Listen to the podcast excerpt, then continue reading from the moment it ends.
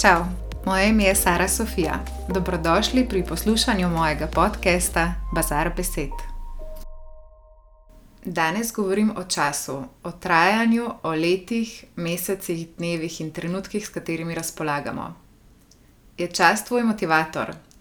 Te omejuje ali te spodbuja pri ustvarjanju in doseganju novih ciljev? Vsakemu izmed nas je bilo podarjeno darilo neprecenljive vrednosti. To je čas, ki nam omogoča, da v tem življenju, v tem trenutku lahko živimo svojo edinstveno zgodbo. Zgradimo si lahko svoje sanje, zastavimo čisto svoje cilje in uresničujemo unikatna hotenja. Vse prepogosto tega časa ne znamo dobro unovčiti.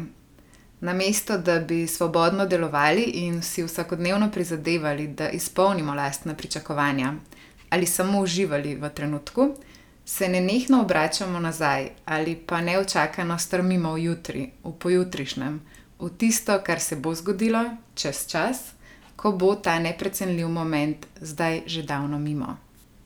V otroštvu se nam mudi v čas, ko bomo odrasli, komaj čakamo, da bomo lahko čisto svobodni, neodvisni in odgovorni. Ko vse to dosežemo, se z nostalgijo v srcu spominjamo brezskrbne mladosti ali pa s strahom in cmokom v grlu zaskrbljeno štejemo svoja leta in se že zdaj bojimo starosti. Prepogosto hrepenimo in komaj čakamo na prvi šolski dan ali prvi dan, ko pričnemo z novim delom. Potem pa že naslednji teden odštevamo dneve do počitnic. Komaj čakamo na novega družinskega člana, potem pa se potiho vračamo v včasih bolj sproščene pretekle trenutke, ko smo bili odgovorni le sami zase. Nenehno smo skratka ujeti v tisto, kar je bilo, in v vse to, kar se bo šele zgodilo. S časom so naša hrepenenja vedno močnejša. Čas nas veliko krat zavede in lahko pričara iluzijo. Spomine smo lahko skozi čas predrugačili, jih olepšali in posuli z bleščicami, zato se danes zdijo bolj privlačni. Želje za prihajajoče dogodke in doživetja pa s časom rastejo, in ko jih nekega dne končno doživimo, smo lahko razočarani. Pri nas doma se vsi orientiramo po uri na električni pečici v kuhinji. Pred kratkim je zmanjkalo elektrike in ob ponovnem vklopu ure nismo takoj popravili na aktualen čas. Na zaslonu so zato nenehno utripale štiri ničle. Vsakič, ko sem šla tam mimo, mi je pogled na stanje nula dal nek neizmeren občutek svobode. Naenkrat sem se ob pogledu na uro, na mesto na čas, ki je definiran zunaj mene, obrnila navznoter in tam iskala orientacijo za nadaljno načrtovanje poteka dneva. V nas se skriva notranji kompas, ki nas popelje po pravi poti, le premalo krat se orientiramo po njem. To sem spoznala šele, ko sem pritiskala na gumb in spet lovila aktualen čas. Naš čas so številke, ki so skozi vsak dan naš vladar vrednotenja. S številkami se meri naš uspeh in imetje, naša starost, teža, na koncu koncev naše prioritete, omejenost in svoboda.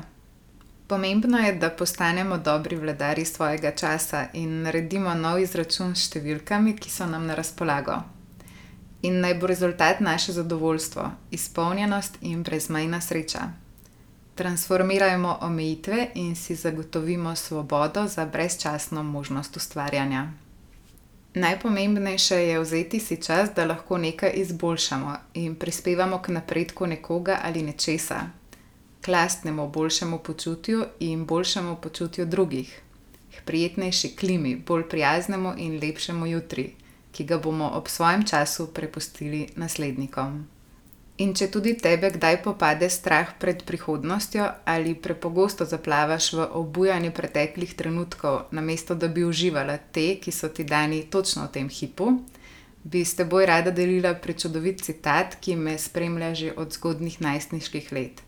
In zagotovo je moj najljubši. Njegov avtor je Federico Fellini, gre pa takole: Ni začetka, ne konca obstaja samo neskončna strast do življenja. Do naslednjič. Ciao.